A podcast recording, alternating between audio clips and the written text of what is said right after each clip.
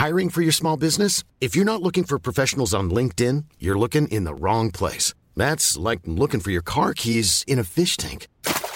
LinkedIn helps you hire professionals you can't find anywhere else, even those who aren't actively searching for a new job but might be open to the perfect role. In a given month, over 70% of LinkedIn users don't even visit other leading job sites. So start looking in the right place. With LinkedIn, you can hire professionals like a professional. Post your free job on linkedin.com slash people today. Dit programma wordt mede mogelijk gemaakt door Toto. Tony Media. Johan Cruijff. En de goal van Van Hanegem. De vrije trap is voor Hansen. Ja!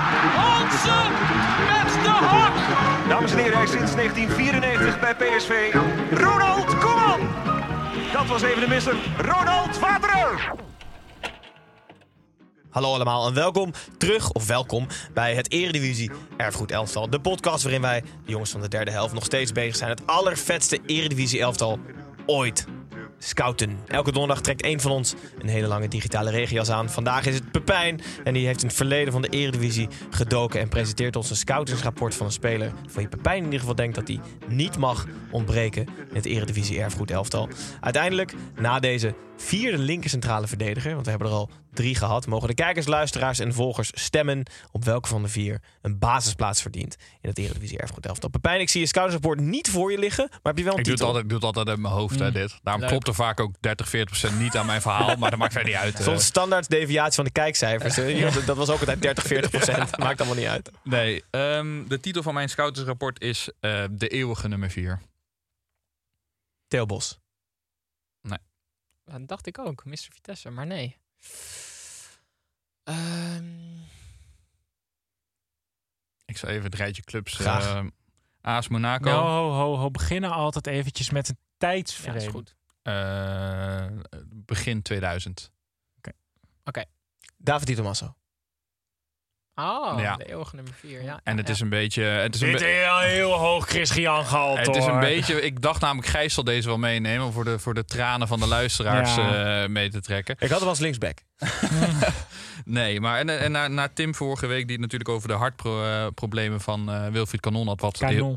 Kanon, wat Wilfried. erg veel eh, problemen in zijn carrière heeft veroorzaakt, is dit natuurlijk nog wel een stapje, een stapje erger. Ik zal even nou, bij het begin beginnen, misschien niet helemaal, maar David Di Tommaso kwam in 2004 over vanuit de CS Sedan in Frankrijk eh, bij FC Utrecht. Eh, hij, hij, hij klopte daar als, jonge, onervaren speler, eh, speler op de deur en eigenlijk direct een, een, een schot in de roos. Een, een, een daverend groot succes voor Utrecht. Ehm, werd in zijn eerste seizoen bij Utrecht werd hij, eh, werd hij speler van het jaar.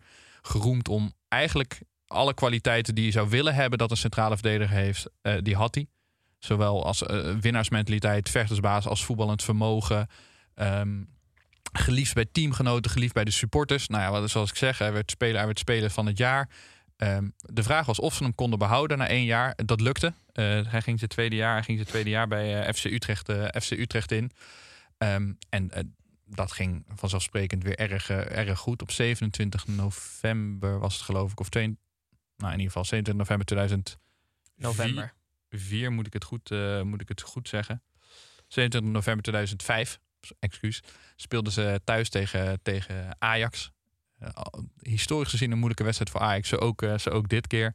Die Tommaso speelt misschien wel een van de betere wedstrijden uit zijn carrière. Ze winnen, ze winnen met 1-0. Ik geloof een doelpunt van Edson Braafheid. Eh, heel de Gelderdoma op zijn kop. Eén groot feest natuurlijk om van Galgenwaard. Ja, Oh, dit is die Galgenwaard. 40, dit is die 40 Had ik het nou maar- had ik het maar- Vitesse plaatst zich daardoor voor de Conference League. Had ik hem nou maar uitgeschreven. Nee, ehm, maar twee dagen later slaat het eh, noodlot toe.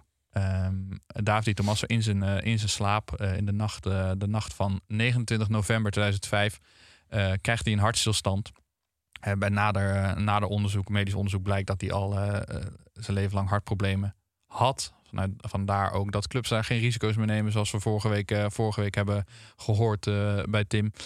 Ehm, vreselijk laat een vrouw en een, en een dochtertje na. Kijk, daar had ik ook even uit moeten zijn. Maar laat een vrouw en dochtertje eh, laat hij na. En de, de, de schok en de, de verslagenheid in de voetbalwereld is, is ongekend. En het is altijd makkelijk om te zeggen over de doden niets dan goeds. Het was een geweldige jongen. Het was een publieksliever. Maar het was ook daadwerkelijk zo. Hij, hij was de, de van Utrecht zoals ze in Utrecht, Utrecht graag zien.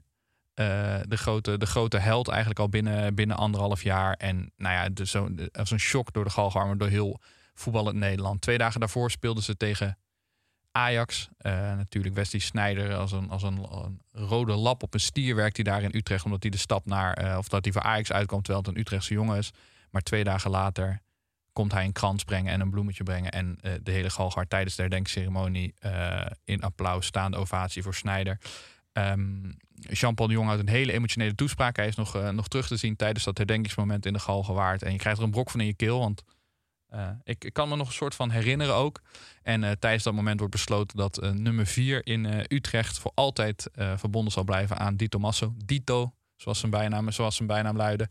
Dus ehm, ik, ik, daarom wilde ik dit. Maar hij hoeft niet gekozen te worden, want eh, het feit dat hij benoemd En is. dit is, nee, dit is Peter Bos. om- om- Ja, Dit is ja, Peter ja, Bos, ja, dit is Peter ja, Bos. Ja, dit is Peter Bos. Ja, nee, nee, nee. Langzaam weer Ja, Gijs, nee, nee, langzaam nee, hier eh, zijn we scherp op. langzaam in Gijs, eh, in Gijs aan het veranderen. Nee, oké, hij, moet wel, hij moet wel gekozen worden. Buiten het feit dat het een. Het, het, het verhaal natuurlijk eh, een en al verdrietig is. Hier geen positieve, positieve kanttekeningen, kanttekeningen Nou, dat, bij vind te ik, maken. dat vind ik dus niet. Want het is een beetje raar om te zeggen, maar zo'n ehm, zo'n intense tragedie heeft FC Utrecht wel een heel ehm, nou, dierbaar is misschien het beste woord, soort van dierbaar hoofdstuk uit de clubgeschiedenis opgeleverd.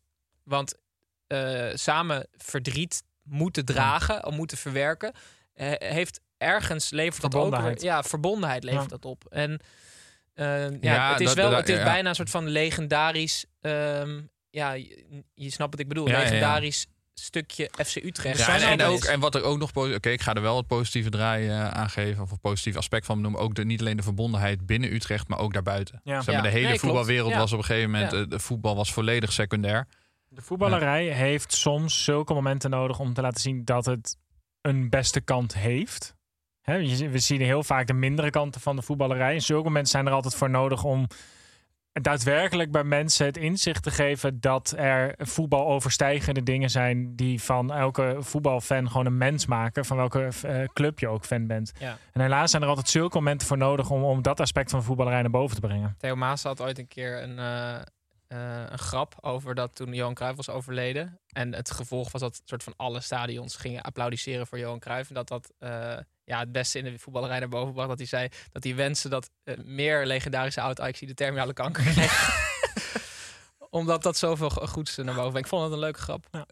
Ja, Heel- maar het is wel ook apart dat ze, ik vind meer dan terecht, maar anderhalf jaar na zijn komst, dat ze meteen, Ja. dat hij zo'n legendarische status ja, heeft en zo'n- impact en dus ook de eeuwige nummer vier nu is. Ja, Van, normaal hoor je, zou je dat verwachten bij Nee. Theo Bos van Vitesse, echt de, club, de clublegendes. Ja, precies. Je- Maar ja, door dit verhaal is het uiteindelijk wel een, een clublegende, clublegende geworden. Zijn er ook nog nadelen? Hebben we nog minnetjes? Ik kan hier heel veel dingen op zeggen. maar Ja, dat- nee, ja, eh, ik vind nee, ook dat ja, Hoe nee, oud maar is hij als je, geworden? 26? 26. Oh ja, dat is wel een goede leeftijd. Ik vind dat als je zo'n speler meeneemt, dan vind ik ook wel dat je de minpunten gewoon moet kunnen, Ja, vind ik ook. kunnen. Zwak linkerbeen. Ja. Maar hij was toch links? Ja, moet je nagaan. Zijn rechterbeen hebben we het helemaal. ik hebben we dacht dat hij links was. Dat hij echt eh, eh, Utrecht heeft daarna toch ook nog die speler gehad, eh, die Roemeense Mihai. Nesu. Ja, ja. Nesu, Ja. ja. Ook al, een spierziekte geloof ik toch? Ja. Nee, Nee, die is die was Nee, die onder al je schut terechtgekomen op de training. Toen brak hij zijn nek. ja. Meen je niet? Ja, Ja. Jezus. Ja. Ik in de die was Roemeens inderdaad. International. ja, had ik ook nog mee kunnen nemen. Nou ja, linksbacks. Is voor Gijs weer. Er is er eentje voor Ja, Gijs precies, om mee voor te Gijs, ja. Gijs, hè? eh, Asking nee, for a Bob City, hè? Ja. Wat gebeurt hier? Ja, dat gebeurt. Ja, ja. Oh, die, die ene waarmee Heb je eh, eigenlijk nog meer van die nare verhalen? Ja, die ene die Eh, rolstoel. Die eigenlijk helemaal geen uitzicht heeft op een gelukkig leven. Hoe heet hij ook alweer? Frans Bijmans heet hij. Maar David goed. Di Tommaso, ja. Ja. Hij liet trouwens geen eh, dochtertje naar mijn zoon. Nou, om even eh, Die 40 Oh, dat vind ik een nadeel. 40, eh, Ja. 40% eh, te zijn. En wat wordt zijn rondteam? Verbinder. Verbinder. Ja, dat kan niet anders. Verbinder van ook de supporters van onze tegenstander. Nee, ik vond het, ik, toen ik hem uitkoos, vond ik het een, vond ik het een lastige. Ik twijfelde tussen David Di Tommaso en John de Wolf. maar Ja, toen ben die, ik die toch. komen niet vaak in hetzelfde rijtje terecht.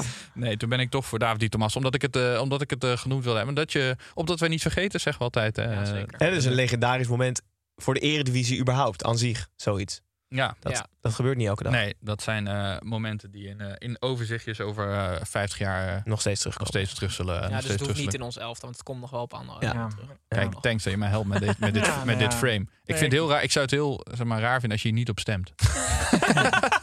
Ben je ook een slecht mens als je Ja, niet op stemt? ja, Al is de man die hiervoor een nazi en een DDR-inwoner meenam. Nou goed, dankjewel Pepijn voor het meenemen van David Di Tommaso.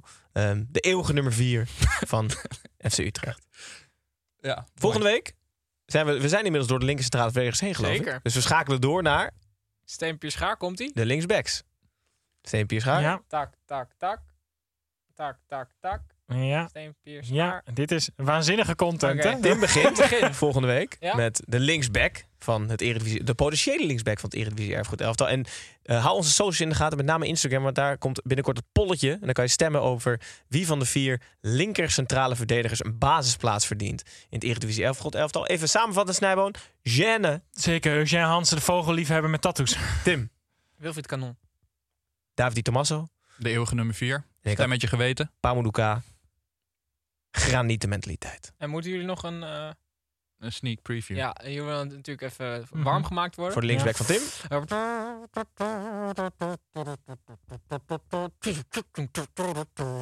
Gijs weet het al. Ja, het is een soort... eh, het klinkt als een soort... eh, een- iemand op een eenwieler die ook heel erg van techno houdt. Nou, of iemand Gaan we door, gaan we door. Ik kondig af. Ik kondig af.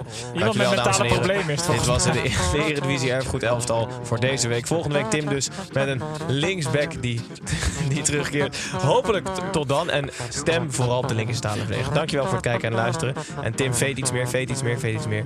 Tot volgende week. Dag.